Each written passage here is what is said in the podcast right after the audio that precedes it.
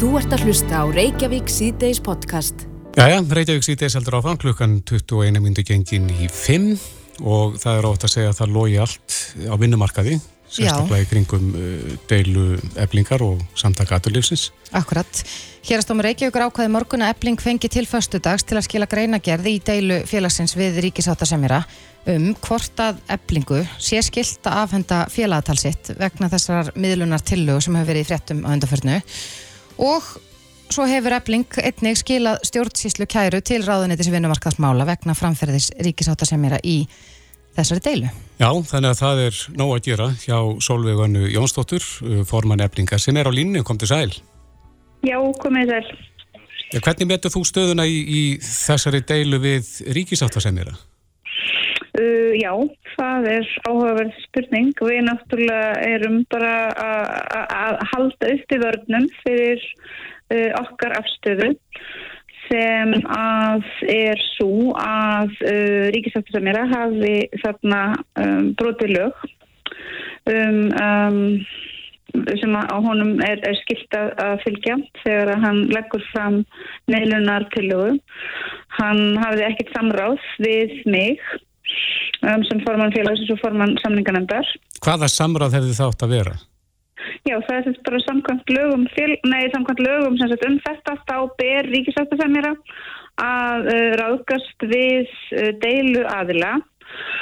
Um, uh, það gerði hann sannarlega ekki að hann uh, rætti fyrirætlanir sínas um það að leggja fram um, meðlunar tillögu við hina og þessa og þannig barst það mér til erðna að þetta ætti að fara að gerast Mm -hmm. Ég fekk ekkert tækifæri til þess að kynna mér efnið þessarar meðlunar tillögu og ég fekk í raun ekkert tækifæri til þess að koma andmælu með að gera aðtöða sendir á framfæri og niðurstaðan var þá þessi að svo meðlunar tillaga sem að Ríkisrættu sem er í lagði fram um, teku í engu tillit til um, hagsmunna eblingar um, þeirra, þeirra afstöð sem við höfum haft í kjara samningsviðræðanum mm -hmm. heldur er uh, tilbúið samtaka aðrunulífsins óbreytt um, sko, þannig að þarna er náttúrulega ljúst í okkar huga mm -hmm.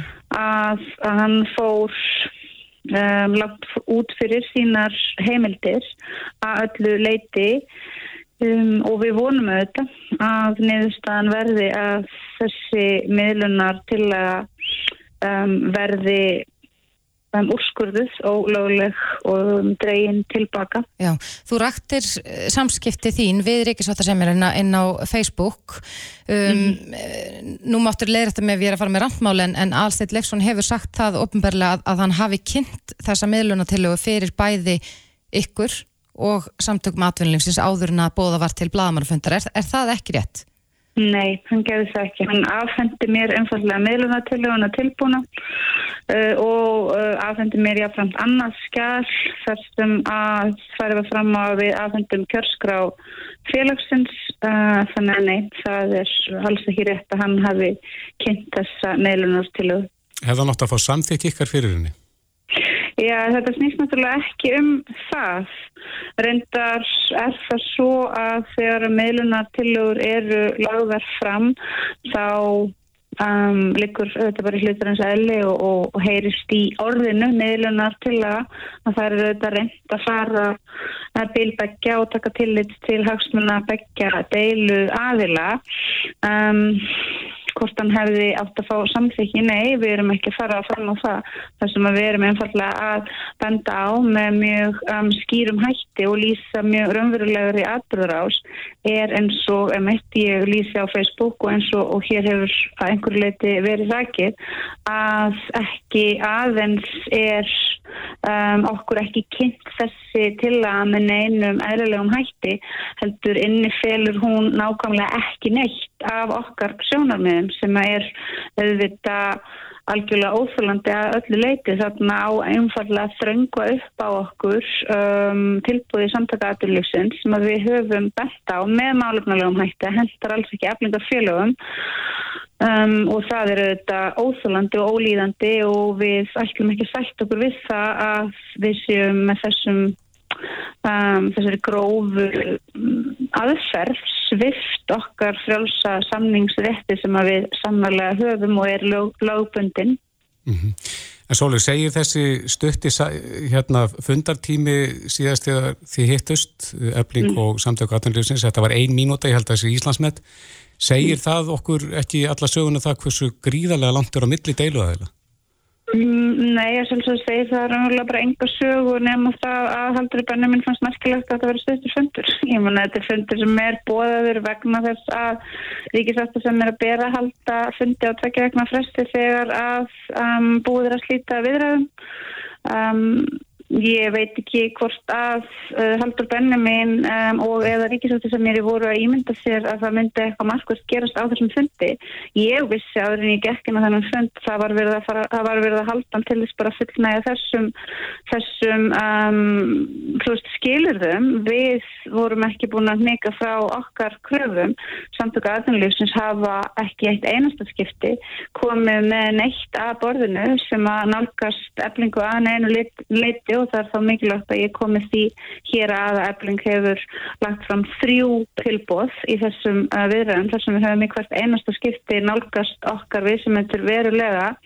Þannig að það, að það sem við höfum láta eins og fundatíminn sé eitthvað sérstakt um, fletta efni bara sættast að segja skilja ekki af öllu því sem hægt er að fjalla um í þessari deilu fyrir aðbyrðar á sem dreist hefur upp þá er þetta nú eitt það mest óspennandi. En Solveig, nú uh, þekkir þú þetta bæði það sem að samtök atvinnlýsins hafa lagt fram, hinga til í, í ykkar mhm. kjara viðræðum og, og svo uh, þekkir þessa miðluna tillögu sem er á borðinu núna. Er mhm. mikill munur þarna á? Á því sem að samtök atvinnlýsins hafðu lagt, lagt til í Nei, ykkar viðræðum og, og svo... Bókstaflega nákvæmlega það sama. Miðluna tillagan er síðasta tilbúð samtök atvinnlýsins til eflingar. Mm -hmm. Að öllu leiti. Og bygg, byggir ekki á samningi þá uh, samtaka atmjörlífsins við staðskrunnarsambandi? Jú, þetta er svo samningur að öllu leiti. Þetta er meiri segja svo launatabla þrátt fyrir það að ég og félagaminnir höfum með mjög skilmarskiljum hætti um, útskýrst og reynt að ná eirum ríkisáttu sem er að með það að þessi launatabla innan úr SGS-samningunum hendar eblingar fólki engan veginn mm -hmm. um, fari svo að þessi meiluna til að verði að þessu verið þrengu upp á eflingafólk og þau er neitt til þess að taka við þessu þá mun það skila því fyrir eflingafólk að þau eru að fá alltaf 20.000 krónum læðri hækkanir og sum ennlægri heldur en að þessi launatabla skilaði SGS-fólkinu. Þessu hef ég náttúrulega ítrekka reynd að koma framfæri með ríkisættu semjara og gerði það á þessum fundi sem að hann bóðaði mig á og laug bókstaflega 20 mínútum áður en að bladamanna fundurinn hans hófst en því miður þá er það svo að hvorki á þeim fundin ég nokkrum öðrum hefur hann sínt um, rökum um, eflingar neitt áhuga alveg sama hversu málumlega við höfum útskipt þetta þá hefur þetta ekki náð í gegn til hans Nei. þannig að hann aðfendur okkur þarna þessa tillögu sína sem er jú síðasta tilbúð samtaka aðlöfsins til eflingar um, samhljóma þeim samningi sem að undirritaður var við stafsmannsambandið og um, þá ef að þetta fyrir gegn ráðast með mjög grófum hætti að lífskjörum eflingar fólks. En nú telja sumir að það sé eðlilegt að félagar í eflingu fái bara einfallega greiða atkvæði um þennan samning. Ertu ósamal á því? Og það félist í miðluna tilhugunni? Já, á móti ætla ég að segja að ymsir telja eh, eða hafa talið lengi að um, það gildi lög um, stættafélög og að því, í þeim lögum um, segi að samningarnemnd félags hafi sjálfstætt samningsumbóð og að það sé hlutverk hennar og félagsins að gera kjærasamning fyrir sitt félagsfólk. Um, það eru einfallega þær reglur sem að hér gilda og það að það sé hægt að fara fram með þessum hætti um, og svifta einfallega eblingu og samningarnand eblingar sínum sjálfstæða lögvarna samningsrétti er algjörlega um, ótrúlega málflutningur og það er auðvitað mjög miður að fólk skuli ekki skilja stærra samhengi sem er eins og ég segi það að hvert félag auðvitað hefur sinn sjálfstæða samningsrétt mm -hmm. og það er bókstálega hlutverk, grundvallar hlutverk stjættafélagsins að gera kjærasamning fyrir sitt félagsfólk um, en svo eru þetta samhengi bara stærra þannig erum við bara að tala um, um leikreglurnar ja. laugin sem að gilda á vinnumarkaði okkar og það að uh, fyrir félaginu fari um, fólk sem að hugnast ekki hinum og þessum af ymsum ástæðum getur ekki orðið til þess um, að það sé hægt að svifta þetta fólk þeim um, lögbundna rétti sem að það hefur til að leiða kjara samningsgerð félagsins til lykta. Mm -hmm. Það er ekki hægt og ef við sættum okkur við það þá erum við hér einfallega að segja að leikreglur uh, líðræðisins lög, lögin sem við störfum innan þessi félög mm -hmm. séu bara í gildi þegar það hendar og ekki í gildi þegar það hendar ekki. Já, en, en Solveig, já, þrátt fyrir eh, þetta óvænta útspil frá ríkisáttarsamjara að þá hafa hótelstarfsmenn ekki satt verið að greiða atkvæðum um verkvöld, um verkvælsaðgerðis. Já. Hvenar liggur það fyrir? Það er svo aðkvæðgræsla, hún hefur bara haldið áfram og niðurstaðan og henni liggur fyrir í kvöld. Veistu hvernig þáttakan er? Já, ég held að þetta búið að vera bara mjög góð þáttaka. Ég held að hún sé um það byrju 70% núna. Kostningunni líkur klukkan 8. Og hvenar er, eru verkfallsaðgerðnar áætlaðar ef, að, Já, ef að það verða samþýttar? Já, það er svo að þetta sé samþýtt, þá hefist aðgerðir uh, 7. februar. Akkurat. Heldur þú að það verði komið niðurstaða í, í já, þessu máli? Varðandi það hvort að þið þurfið að afhenda félagatalið ekki fyrir þann tíma?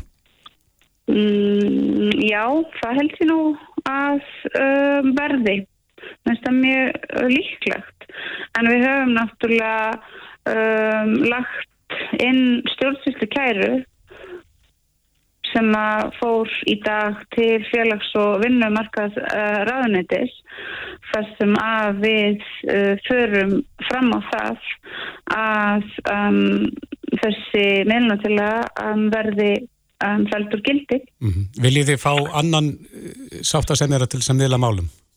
Mm, já, já, það er náttúrulega ljúst að sá ríkisáttsefnari sem að hefur um, gert, gert þetta sem hann hefur gert, farið fram með þessum hætti um, brotið allan trúnað við samningarnæmt eflingar getur ekki meðlað málum, getur ekki verið um, sem einhvers konar óháður aðili inn í þeim kjara samningsviðræðum sem að eblingar í það er alveg ljóst, það mun aldrei ganga upp. Já. Solveig Anna Jónsdóttir, formadur eblingar, við þökkum þér kærlega fyrir þetta og, og uh, fylgjumst áfram með. Takk fyrir. Takk. Þú ert að hlusta á Reykjavík C-Days podcast. Reykjavík C-Days heldur áfram klukkan í myndi gengin í 6 og uh, eins og framlega komið hér áður að þá er búið að loka uh, sandsteyði, helliseiði og þrengslum. Mhm. Mm ekki vita hvenar e, þessar leiðir opna aftur og svo er náttúrulega e, vegurinn undir vatnahjökli e, þjóðvegur 1 hann er lokaða líka Akkurat. vegna veður Þannig að eins og við heyrum að þá nú ekki mikið ferða veður Nei. en það er kannski um að gera að bara setjast upp í sófa og versla á netinu eða hvað?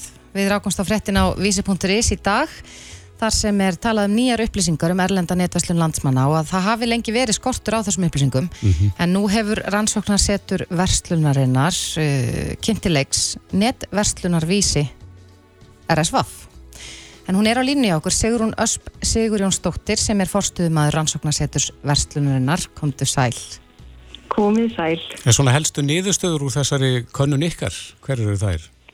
Þær eru mjög áhugaverðar. Mm -hmm. Þetta er hérna, búið að vera mjög hérna, skemmtilegt verkefni á okkur. Við urðum, ég var vörð við það einlega um leiðu ég tók við starfið verið svo að það var mjög mikil eftirspurn eftir upplýsingum um erlendan netarslun mm. og þær var hennilega bara erfitt að fá, þær vantaði hennilega bara markaðum.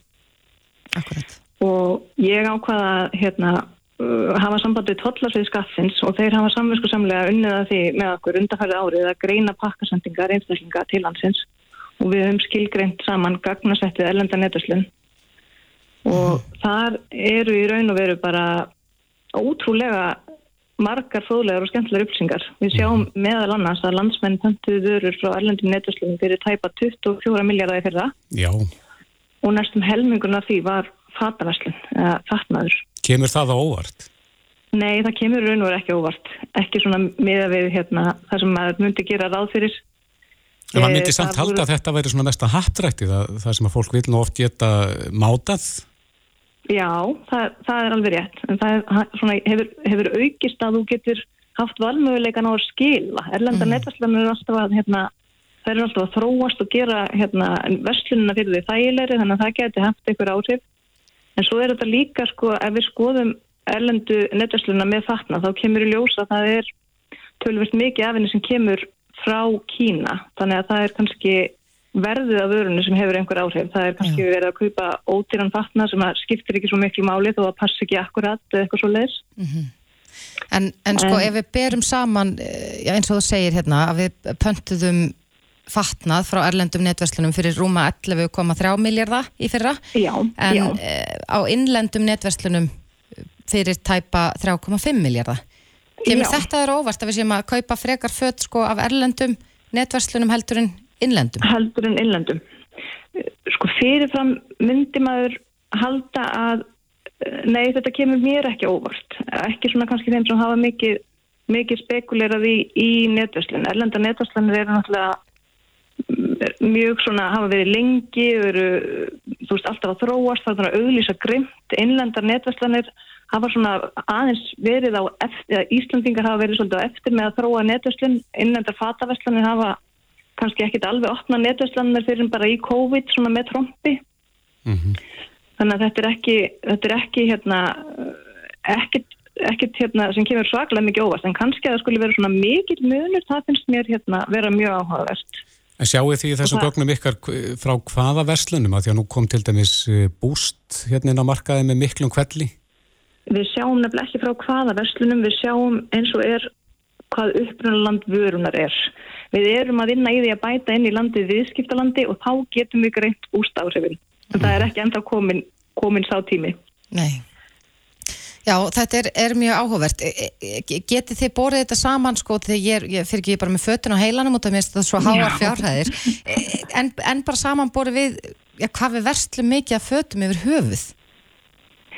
Ein, bara ef við bara... göngum inn í verslunni í verslunum meðstöðu á Íslandi og kaupum okkur fött. Já, við erum með upplýsingar um það líka. Það, mm. Við höldum, eh, sagt, ef þú kaupir hérna, föt með greiðslukorti þá eru til upplýsingar um það hjá okkur Já. í fataverslun. Ég get hérna, ef við tökum saman eh, bara förum inn á sarpin okkar góða og skoðum innlenda greiðslumiðlun fyrir mm. fatnað í fyrra, sjáum hérna. Ég ætla nú ekki að koma þær í klandu með þessu spurningu en, en, en bara maður velti fyrir, fyrir hversu háar fjárhæðir við erum bara reynilega að kaupa född. Já, það er hérna, það er mjög, mjög áhugavert. Ég get sagt ykkur það, æg, þetta er kannski svona tekur Allt í góðu. Ekki smál. Lengur tíma svona í bytni. Já, já, allt í góðu. En þessar upplýsingar eru allar mjög hérna, aðgengilega og þægilegar inn á gagna safna okkar um kortaveldu á sarpinum okkar þannig að þetta eru upplýsingar sem hægt er að nálgast með auðvöldum hætti Tek, tekur kannski nokkrar mínatur en, en hvað með græjur, tæki og tól og svona ráftæki? Ráftæki er, Erum við ekki einstöðlega að vesla ráftæki á erlendum hérna vefveslunum?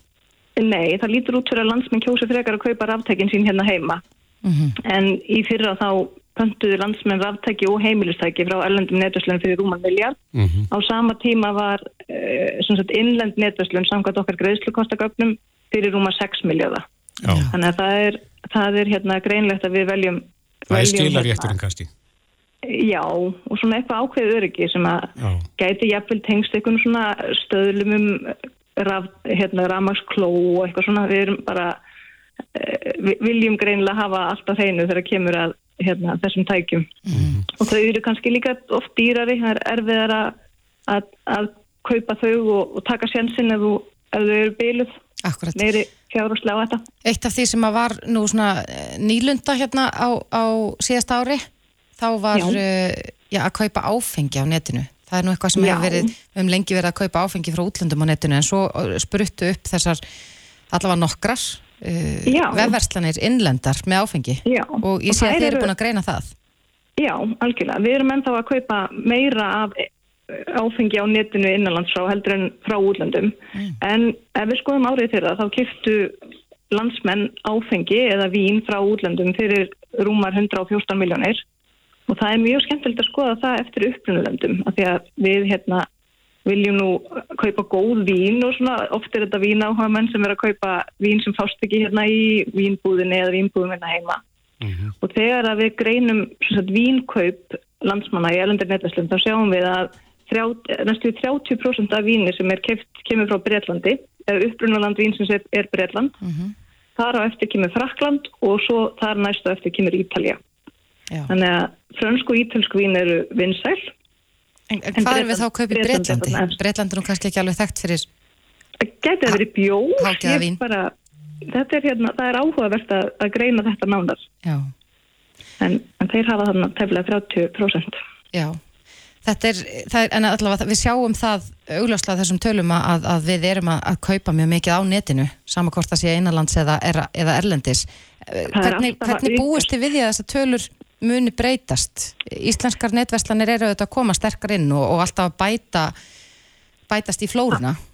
Algjörlega. Á hérna, faraldurinn gerur það verkum að íslenskar verslanir þær tóku sér alveg bara tóku sér þvílík tak í netverslinu og eru orðnar mjög, mjög öflugar og við gerum bara ráð fyrir því að netverslinu eigi eftir að aukast í hlutfalli af verslun. Hún hefur mm. verið að taka til sín hlutfallslega bara frá COVID hefur á Íslandi hérna, hlutfall netverslunar farið úr 3% og í núna í kringum 8 var það í fyrra.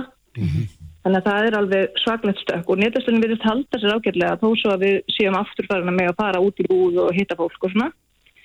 Þannig að við höldum, höldum okkur bara við svona svipaðar spár og, og Evrópaþjóðir er að gera og það er gert ráð fyrir því að netverslun verði svona í kringum 30% af heildarverslun á næstu 15 árum held ég að sé hort, hort til þetta er hérna það er alltaf hérna e, já, gert ráð fyrir gríða, gríðalegum tæknibreitingum og hérna á, á næstu árum og, og við munum alveg öruglega nýta okkur þægindi sem félast því að, að þá vörunar sendar heima dyrum í auknum mæli svo lengi sem við þurfum ekki að, ekki að hérna, greiða mikið meira fyrir það heldur en þegar við hérna, förum og sækjum hana sjálf út í búr mm -hmm.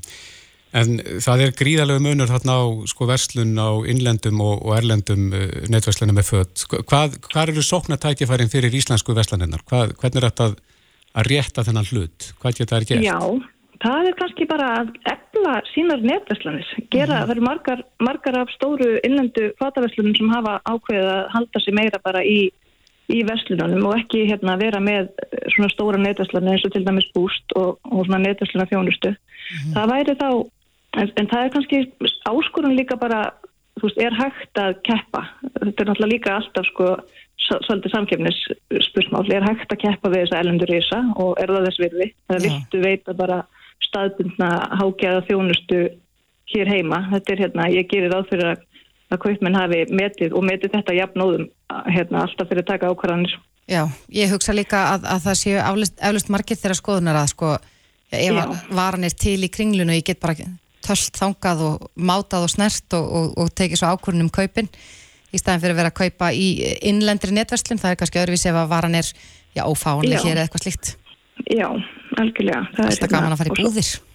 Algjörlega. Og svo er þetta náttúrulega líka, er alltaf að verða hérna aukið, aukið vægi sjálfberðni og umhverfis hérna svona sjónamið koma alltaf sterkinn og þá er spurningum sko hvað, hvernig er best að flytja vörun til landsins, er best að einstaklinga sé flytja eitt og eitt eintak, er best að varan sé bara reynlega sömu þér. Mm -hmm. En meðan við þessa tölu þá eru við ekkert að spá í þetta? Nei, við erum, við erum svolítið mikið bara að velja með verkinu neytendur og við, við hérna, erum gjörna að kaupa, kaupa það sem er ódýrast eða svona á best, besta veðinu Sigrun Æstóttir, fórstuðið með rannsóknarsétus Vestlunarinnar, þetta eru áhuga að verða tölur og hægt að uh, kynna sér þær betur það ekki ná vefsíðin ykkar? Jú, algjörlega. Við hérna, erum með mjög góð upplýsingaveitu sem heitir Sarpur og hún er á sarpur.rsvaf.is og þar má nálgast allar upplýsingar um erlendaneytaslun og allar upplýsingar um kortaveltu, vísutölur, rannsóknar og greiningar er varða vestlunum þjónustu mm -hmm. og svo erum við líka með alls konar hérna, sérverkefni og það er hægt að kaupa, kaupa sérvinnslur úr okkar gagnagrunnum þannig að endilega bara ef einhver hefur einhverjar spurningar eða áhuga á að kynna sér tölfræðin vestlunum þjónustu þá bara hvetjum við þá til að hafa samband. Já, segur hún, kæra þakkir. Takk kærlega fyrir að bjóða mér. Þetta er Reykjavík C-Days podcast. Reykjavík C-Days klukkan 28 mindu gengin í 6 og uh, smáfréttir hérna umferðinni. Mm. Við sögum frá því ráðan að uh, sandsteiði, helliseiði og þrengsli uh, eru lókuð. Já. Ég slóða frá þenn til veðgerðinu og mér sýnir svona á veðmyndavilum að veðri sé nú eitthvað að ganga nýður á þessu svæði en þeim finnst líklega að þrengslinn verði opnuð ef, ef þau verði opnuð. Já, líklega að þau opni heldur en helliseiðin. Já, akkurat þannig að fólk er beðið með að býða átekta. Já, fylgjast vel meðinn á vegagerðarnar áður en haldið er að stað. Einmitt. En úr eini annað við eh, rákumst á frétt hjá Ríkisútvarpinu þar sem er talað um að, að já, yfir þúsund börn, eða minnst þúsund börn forðist það að í skó, mæta í skólan mm -hmm. af því að þeim líður ítlaðar. Já, þetta er sláandi. Já, og skólaforðun er nú eitthvað sem hefur verið e, rætt um aðundaförnu. Já en um, við, hún er sestið hérna hjá okkur Ester Ösp Valdimarsdóttir sem er skólastýra Áskarðs sem er skóli í skíunum, kom til sæl. Hæ. Kanski byrjum aðeins á, á skóla í skíunum, hvað er Áskarður? Já, uh, skóli í skíunum er sagt, skóli fyrir úlinga sem er alfarið á internetinu. Þannig að við fylgjum íslensku aðalnámskráni og öllum svona námskröfum sem að settar eru á Íslandi en um, erum algjörlega á nýttinu þannig að börnum bara eru heima á sér og mæta til okkar á mótnana og eru með okkur við daginn og, og vinnað heimann. Er þetta semst efstast í því grunnskóla? Já, sjöndi til tíundu bökkur. Og er þetta ætla fyrir þá sem að uh, líður illa í skóla? Nei, alls ekki sko. Hugmyndin var kannski svona uh, já, sko þetta var svona dreifbílis hugmyndafræði að uh, það ætti að vera jöfn tækifæri fyrir alla og því hvað þau byggja, ef þau byggja ekstra í dreifbílinu eða ef þau væri að velja að vera kannski á ferðalægi eða krakkar sem að væri kannski uh, að æfa afreiksýþróttir eða eitthvað þannig og bara pössuðu ekki alveg inn í þetta kerfi, en mm. svo lærðu við það bara um leið og við stofnum skólan að það væri náttúrulega alveg ótrúlega mörg börn sem að væru kannski ekki alveg að finna sinn farveg í skólakerfinu mm. og, og þá fór þau að leita til okkar í auknumæli mm -hmm. en, en sko þetta eru þetta sláandi tölur að, að sjá það að minnst þúsund börn forðist það að mæta í skólan þekkir það, er þetta já, aðarlega úlingar eða er þetta bara börn á öllum skólastegum? Ég þóri bara ekki að svara fyrir það. Nei. Ég, ég held mögulega með að við það sem að ég hef verið að heyra undarfærið að það séu því miður alveg ótrúlega mörg yngri börn. Þegar sko einu sinni kannski tengt að vita meira við æ, þú veist, úlingar, þau fá svokölluð úlingaveiki og eru löt og sjá ekki tilgangin og eitthvað svona. Ég er bara að heyra fleiri og fleiri sögur líka af yngri börnum sem að sem að finna ekki sinn farfi í grunnskólakerfinu. En, en það er, er mikið búið að tala um skólaforðun og, og þú sagðir hér í, í viðtalvi Ríkisúttarpið að já, skólakerfi þurfi kannski að líti eigin barm koma til móts við börnin í staðin fyrir að við séum bara að, að setja þau eitthvað boks þið eruð vandamálið. Þið eruð með skólaforðun. Hvernig væri hægt að gera það? Já, þetta er góð spurning. Ég er náttúrulega, þykir til dæmis mjög aðtilsvert það eru til svona kvarðar í mörgum sveitafélögum að þau ert búin að vera í fjárvist x oft að þá gerist þetta og þau ert búin að vera í fjárvist þetta. Mikið oftar þá er svona fundur og svo er batnavendatilkynning og svona eitthvað. Og það kemur aldrei þessum hverðum fyrir eftir ákveð marga fjárvistir þurfa þarf starfsfólk skólans að setjast niður og hugsa hvað getur við gert fyrir þetta barn? Af hverju líður því ekki vel, af hverju vill það ekki koma? Mm -hmm. um, og ég held að með sko samþættingu námsgreina og verkefna með námi áhugadrifni námi þar sem við spyrjum krakkarna svolítið á hverju hefur þú áhuga? og, og sum vilja fá oftar að reyfa sig og, og sem vilja meira næði og sem vilja bara aðeins að hlusta sko, hvernig týpa er þú og hvað hendar þér? Hvað mhm. langar þið að læra og hvert viltu stefna? Og íslenska aðlámskráin hún, hún býður upp á þetta svigurum mhm. Hvernig kemur ykkar starf inn í þetta? Já, við reynum að gera hlutinu svona. Við kennum til dæmis ekki íslensku í 40 myndur og svo starfræði 40 myndur allt sem við gerum er samþætt þannig að við blöndum saman ólíkum uh, greinum og við erum alltaf með líkilhæfnina að leiðaljósi sem eru svona á ennsku myndum við kalla life skills. Bara þetta sem við þurfum til að fungera í samfélaginu, við blöndum því alltaf inn í og þetta er alltaf svona verkefna miðað þannig að við erum til dæmis núna mjög mikið að læra íslensku og heimildavinnu og samfélagsgreinar og við erum að læra um geðhelbreyði með því að gefa út skólablað. Þannig að við erum ekki, þannig að verkefni er að gefa út skólablað og inn í það og þau velja bara hverju hef ég áhuga á, hvað vil ég tala um? Einhverju vilja tala um svefn og önnur aðti háti og önnur túrætt eða eitthvað. Og svo, og sumir skrifa meira aðrir vinna kannski meira myndefni og svo framvegs en í gegnum þetta læraðu það sem þau þurfa að læra. Þannig að, Þannig að íslenskan er kannski þá samofinn í þessu vegna þess að þau eru að skrifa texta. Já, einmitt. Og þurfa þá að byggja upp setningar og, og, og bara þar framstöku til málfræði og allt. Algjörlega, og þau setja sér bara, bara í stellingar fréttamanns og hvernig við ekki áhuga og aðtikli á málefninu og allt þetta þannig að þetta þarf að vera gott mm -hmm. og þetta hefur skýrt markmið mm -hmm. en sko það að nú að þú sitt í 40 myndur og þú átt helst að klára blæðsju 7-12 það kannski kveikir ekki mikið áhuga Nei, en, en eins og þú segir þið farið eftir, eftir námskrá Já. og bara þessari algildu sem við þurfum alltaf að fara eftir í skólum á Íslandi Já mættu fleiri skólar taka þetta til fyrirmyndar og, og svona aðeins að hrista upp í kjenslunni? Já, það held ég væri bara mjög góð hugmynd og við erum líka með þess að ráðgjáða fyrirtæki sem heitir Áskarður þar sem við erum með bara alveg ótrúlega flott fagfólk sem er tilbúið til að veita ráðgjöf og, og aðstóð við að, við að nálgast námskrana betur og, og gera hlutina á skapandi og skemmtilegri hátt. Mm -hmm. en, en yfir þúsund börn koma aftur að því vegna þessi tala er auðvitað sláandi og mm. þetta er, já það gætu, gætu verið fleiri og, og kannski allar líkur á því að svo sé hvað, hvað heldur þú að sé, hvað er það sem að gera það verkum að börn bara reynilega forðasta að mæti skólan? Ég held að mörg þeirra upplifi að þau séu ekki hyrð og ekki séð mm. og þau hafi ekki tilgang uh, og þá sjáðu ekki ástæðu til að vera þarna uh, ef að þú átt að mæta ykkur alltaf til, líka í veðri eins og í dag til að sitja kjur og þegja og hlýða og gera eitthvað sem að þú sér ekki tilgang með af hverju ættir að vera þar alltaf dag Já. Hvað eru mjög börn að læra í gegnum ykkar kerfi? Þau eru 38 núna, úlingasti þetta er annað starfsórið okkar það eru tölvert margir af bankotýrnar en við erum svona, við erum að reyna að stækka þannig að við getum líka vandað til verka Eru þau út um all land þessi börn? Já, út um allan heim. Já. Já, en þau fylgja íslenska skólakjærfinu eins og staðnir í dag og svo sjáum við fyrir okkur að innlima líka alþjóðlega námskrá svona þeirra framlega stundir. Mm. Hefur þetta gefið góða raun, þetta, þessi fyrstu starfsár hjá okkur? Já, það finnst mér og, og ótrúlega margar bara miklar sigur sögur, krakkar sem að hafðu lítið mætt í skóla í langan tíma eða krakkar líka bara sem fá ekki frels, þetta er alls konar hlutir, krakkar sem að bara geta núna búið til dæmis á tveimur heimilum sem er ekki andilega á sama stað. Mm -hmm. en þess að það sé vandamál. Þetta er alls konar. Já, Þa, það eru þetta búin að vera einhver þróun og, og við erum alltaf að heyra í fréttum og sjá já, alls konar vankanta. Eitthvað sem mætti bæta í, í íslensku skólakerfi. Heldur það verði mikil þróun eða er einhver hérna svona viðspyrna við breytingum? Ég held að lang flesti sem að vinna í mentakerfinu vilja gera sitt besta.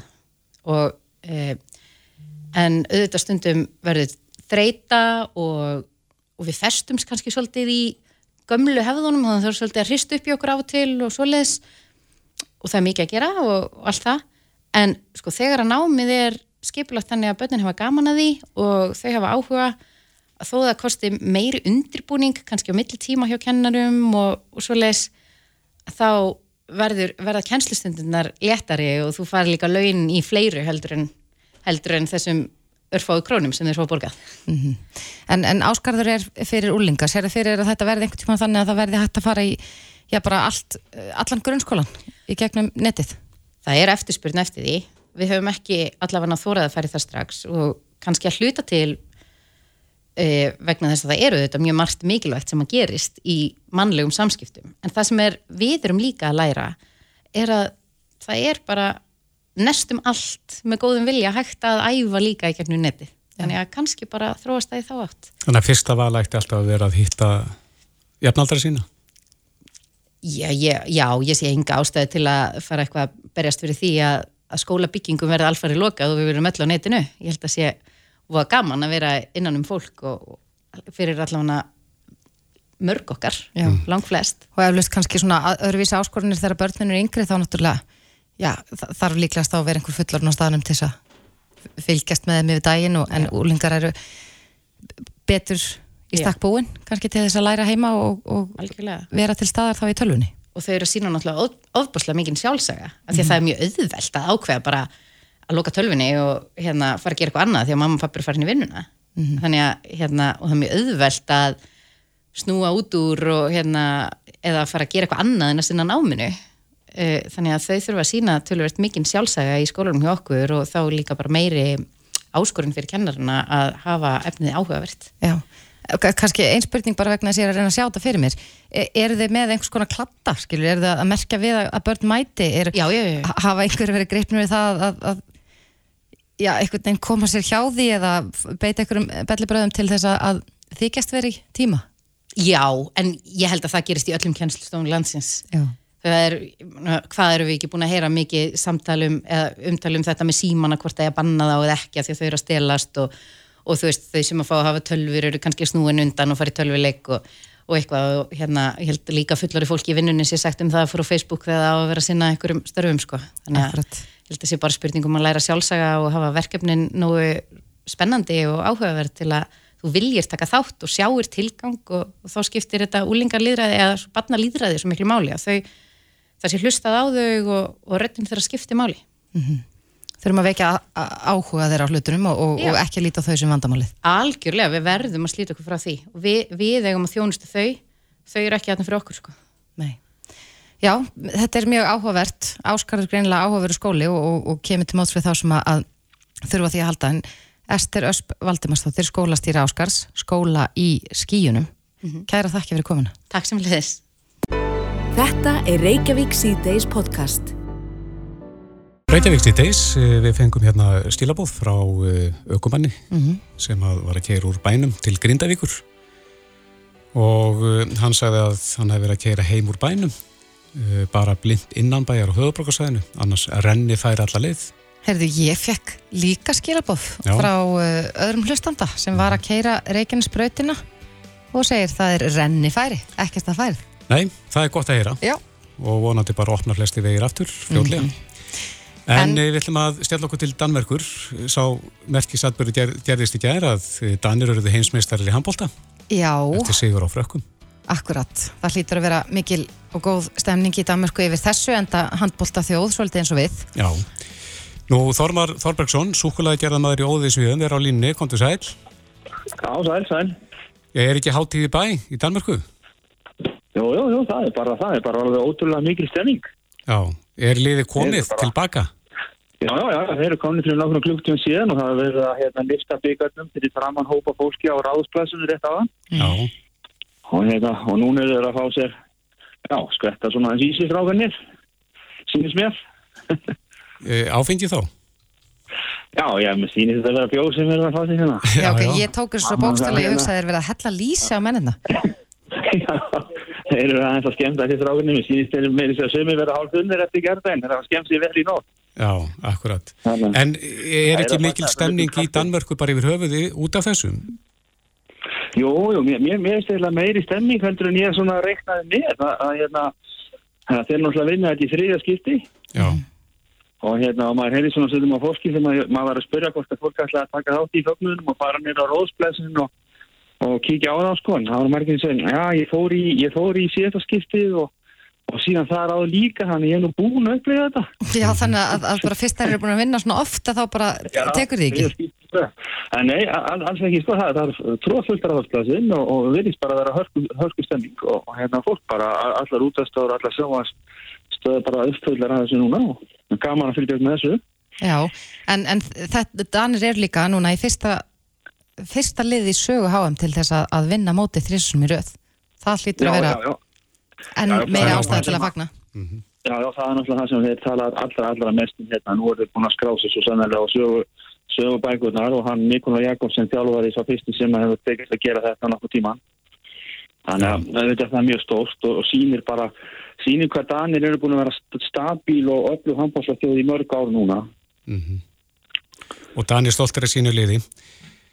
Já, en, heldur betur, þeir, þeir eru alltaf, alltaf mjög góðir í að, hérna, að hérna, fylgja sínum hóp og, og, og kvetja sko, það vantar ekki sko. Nei, en hvernig viðrar á strákana svona við heimkomuna? Já, það, það er leið, leiðilegt við. Það er leiðilegt viður? Já, það, það er tóltið kast og tóltið rók og maður, maður sér að fólk að aðspilsin er bara alveg í húi og, og, og, og úrspum sko og allir við taka það inn. Já, en ekki snjór? Nei, það, það er ekki búið að snjóa það ég veitur ekki neitt, það er eiginlega rétt að næðast í jólurinn og þessi bara búið að vera þetta típiska danska vetra viður, svona 6-7 gráður og rigningur og kur og svona kuldagóla. Mm -hmm. Henni vanir. Þú fylgist eflaust með þessu móti og, og við, já, Íslenska þjóðin var náttúrulega alveg á, á afturfótunum hérna vegna þess að við vorum svo spennt fyrir gengi okkar. Um, já, já, já. Er, er Danir jafn æstir yfir þessu eins og við, bara svona yfir höfuð? Já, já, það, það, hérna, það, sem, sem er sko sérstaklega, öðruvísi með Danmörku heldur en á Íslandi er kannski það að, hérna, að þeir eru náttúrulega búin að vinna þetta svo oft áður þannig að þeir búast einhvern veginn bara við því að þeir eigi bara að fara í úslita leikin og ekkert annað sem nógu gott sko. Og þeir eru með áskrifta tillinum?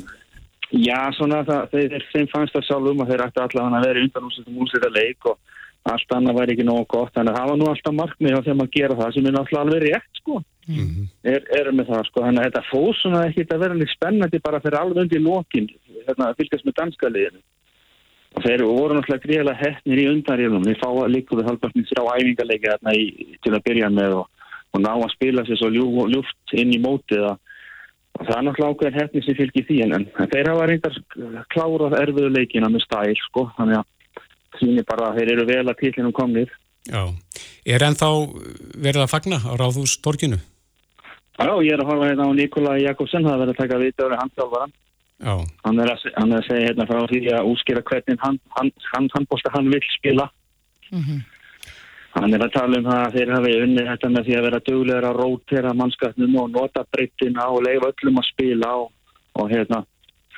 Og það er nútíma handbóltinn í dag þegar, leikurinn orðin svona rosalega hraður þá þurfa að nota breyttina. Já, sem að var svolítið, já, Guðmundur Guðmundsson var svolítið gaggrindu fyrir það að, að gera það ekki.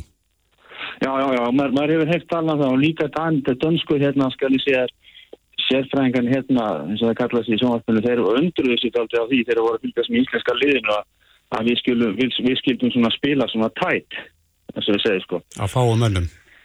Já, já, sérstaklega vegna þess að leikurinn er svo hraður í dag og svo krefjandi að, að, að hérna við ætlum þessu nýju reglum það sem er engin miðja og markið oft tómt þá er þetta svo rosalega hlaup fram og tilbaka að að það þarf, að, það þarf bara að nota marga menn til þess að höndla svona leik sko. mm -hmm.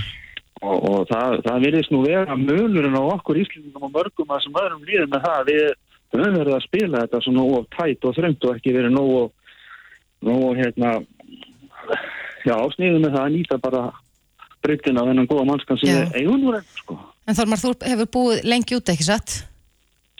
Jó, ég er nálgast 20 ár Já, með hvorum heldur þú? Ef, ef Ísland og Danmark var að keppa? Já, ég, ég, það, það var nú að versta við þetta. Ég, það var nú draumurinn á mér maður að fá einhvern brjála sem mikilvægin leik með Ísland og Danmark. Já. Það, það tókst ekki núna. Nei, en, en með hvoru liðinu myndur þú halda? Nei, ég held alltaf með Íslandi, sko. Ég, hérna, ég held reyndar alltaf með Danmarku, sko. En, en ég er með undan þá. Nefna þegar Danmark spila mot Íslandi, þá, þá, þá held ég alltaf með Íslandi. Það er alveg á reynum, sko. Já, Já. þá ertu með leiði. Já, en, og það er bara góð regla. Er það ekki? Já, Herri, við, til með að halda því. Já, við sendum bara bestu hvaðir út og, og til hamingi með þetta, Þormar Þorbergsson, súkulega gerður maður í Óðinsvíum. Já, skilja, ég takk fyrir. Takk. Bless, bless. Já, bless. Reykjavík síðdeis á Bilginni podcast.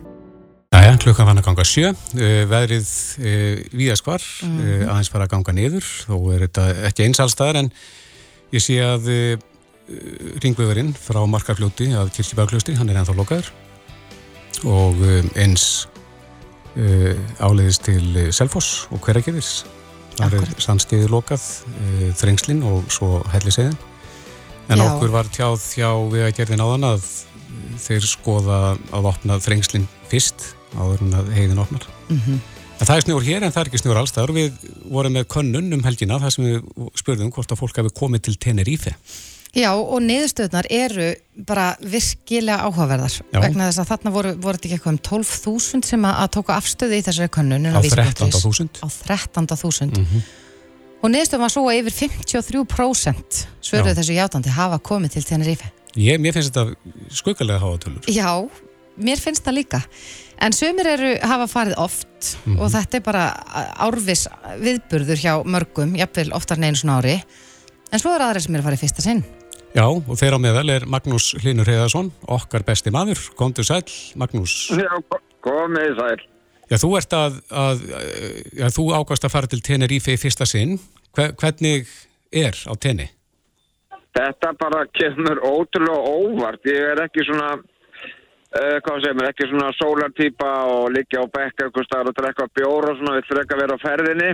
Já, En þetta er ótrúlega flott hérna allt og þetta er allt svo snirtilegt. Það komi, kemur líka svo skemmtilega óvart. Mhm. Þetta er allt svo flott og vel haldið utan um hlutina og bara allt fólkið og allt bara svo indislegt og skrítið að vera hér í 20. hitta og, og með sólina hérna rétt hjá og þeir í brjáluðu veðri, hvað er eiginlega frétta? Ná, hvað er eiginlega frétta, Magnús Leinur? Her, herðu, en, en sko, hvað uh, rak þig þangað? Nú hafa, já, með við þessa könnun sem við gerum, 53% farðangað. Varstu farin að óttast að þú værir bara einn eftir? Nei, þetta var bara eftir COVID-vesinni og ekkert búið að fara út í mörg ár og eitthvað svona, þannig að fjölskyldan ákvað bara fyrir tíu mánuðum að panta bara miða fyrir allt heila klappið. Það erum hérna 11 saman og allir búin að vera að hlaka til og mikil undirbúningur og svo bara kom aðeins og við erum bara mætt hingað og bara æðislegt og öll fjölskyldan verið með strákaninn sína, barnabönnin og kjassa konuna upp á hotelherbergi og sundlega bakkanum, þú veist, þetta verður ekkit betra. Nei, en það var kannski stóra spurningin. Ertu búin að taka tásumynd? Nei, ég er ekki búin að því. Ég þarf að gera það núna við fyrsta tækifæri. Já, við því að ykkur, já, en ég er samt við ljóta tær. Það skiptir ekki nei, máli. það er aukaðrið. Það er auka. En- En það svo annars við komum óvart. Við fórum í mól hérna í dag Mhm. og það er bara hundar inn í öllum mólum á veslunum. Já, já, spánum við að kunna þetta. Já, og ekkert mál.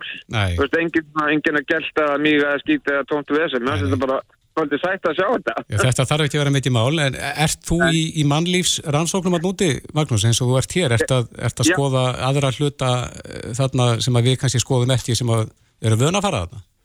Já, ég er svona er að spá svona bara fólki hvernig við erum mismunandi útliti og hvernig við mögum okkur og til dæmis segja það leigubílstjórnarnir hérna er ekki, fara ekki öryggisbelti, ég er mjög hissa á því. Nú, þeir, nei, við förum öllu öryggisbelti, þeir eru ekkert að spá ykkur belti en svo er ótrúlega flott hérna, það er mikið stoppað á gangbröndum, það tekir svo mikið virðing fyrir gangandi vegfærundum. Ég elska það. já, það er nú kannski eitthvað sem við mættum tilenga okkur hér, en við skulum vona að þú farir ekki að abba þetta upp eftir legubýsturunum að sleppa því að spenna bestið. alls ekki. Og svo þegar maður lappar hérna viðfrægur lauga við hérna á Kanariðum, þá hérna, hérna tenni, þá er allstað svona íslenski fánar að vera að reyna að fólk getur að koma inn. Og ég er búin að hitta svo mikið að íslendingum hérna, það er ekki fyndið. Og maður þarf að passa sig svakalega að segja ekki eitthvað í liftun eitthvað, þá er bara íslendinga þar líka. Að nokkuð, maður nokkuð að vera fyrir aðkasti bara, og það eru svo margir sem eru miklir aðdáðundur þínir, Magnús Leinur, er það alveg frið? mm, Já, ég er búin að hitta nokkur af þeir segja þú er skemmtileg fréttamaður og þú ert svona og bla bla bla. Ég er bara, já, takk, takk, takk, takk, elska þið líka. Já, Og ég er gaman að því og ég ætla að reyna kannski að gera ykkur að tvær, þrjár, fjóra stötu fréttir og le- þennan tíma var ekki hægt að sitja bara hér og gera ekki neitt. já ert, ert að taka efni þarna eh, úti? Já, ég ætla að gera eina að gera það svona. Við erum að fara til þess að morgun með honum hérna Svala, teneferðir. Svala okkar, já. Já, við erum að fara í svona ferð með honum á morgun hérna ring í kringum eigina. Er það hjólaferð? Nei, nei, það er rútuferð, tekur 8 klukkutíma, 30 íslitingar í þessari ferð og hann stoppar á mörgu stöðum, verður að segja frá og gefa smakk, smakk og alls konar svo leiðis. Já, Og ég fór hann á síðan hans í dag og vákaði þetta er flott það sem hann er að gera. Þetta er allt svona sniðut fyrir okkur íslitingar sem eru hér, bara alltaf íslensku og ekkert vesen og Akkúrat. íslensk farastjórn. En kemur þér á óvart að því vorum að fara einnig við niðurstöðu könnunar áðan að, að 53% þeirra sem svara segast hafa komið til Tenerife. Er, eh, kemur það þér á óvart? Það eru nekki sko með að við hvað ég er búin að hitta marga íslendinga hérna á þessum þremur dögum sem ég er búin að vera. Mm. Og einn fjölskylda hérna á hótelun okkar, hún er búin að koma hérna tól sinnum. bara fjölskylda skilur, bara íslensk og bara elskar þetta og bara reykir ekki og drekkur ekki, leggur peningi fyrir og svo fer fjölskylda bara tenni. Já, það er nú margt vittlusar sem maður getur gert við peningi sinni en, en, en nú myndi kannski sömum finnast þetta fráhrindandi að vera einhvern veginn að flýja land og, og Hefur þú gaman að því að hitta aðra Íslandinga? Ég er þannig sko, ég vil spjalla við alla og ég sé alveg hver er íslendingur og hver er ekki. Þess að maður getur alveg spottað útskilur. Hei, þú ert íslendingur, gaman að sjá þig. Og maður aldrei hitt fólkið alltaf eru allir til í að spjalla. Hér er til dæmis kúabændur bara sem líka í sólinu og láta bara mjölka þjónana mjölka heim á Íslanda meðan. Já, það er gatt stið að þú myndi finna kýr á Tenerife. Já, já, hér eru fallega kýr. Þeir varu bara uppi bændur þarna eða hvað? Ég er bara mjög og þá bara koma þeir. Nei, hér er bændur að búa því að sjómenn og allt svo leiðis. Já, við hlökkum til að, að sjá ferðarsöguna þína. Þú ætlar greinilega að taka þetta förstum tökum þarna. En Magnús Linur Heðarsson, gaman að heyri í þér. Við sendum bara bestu kveður til Íslendinga nýlendunar, Tenerife. Kæra þakkir. Bless, bless. Bless. Reykjavík síðdeis á Bilginni podcast.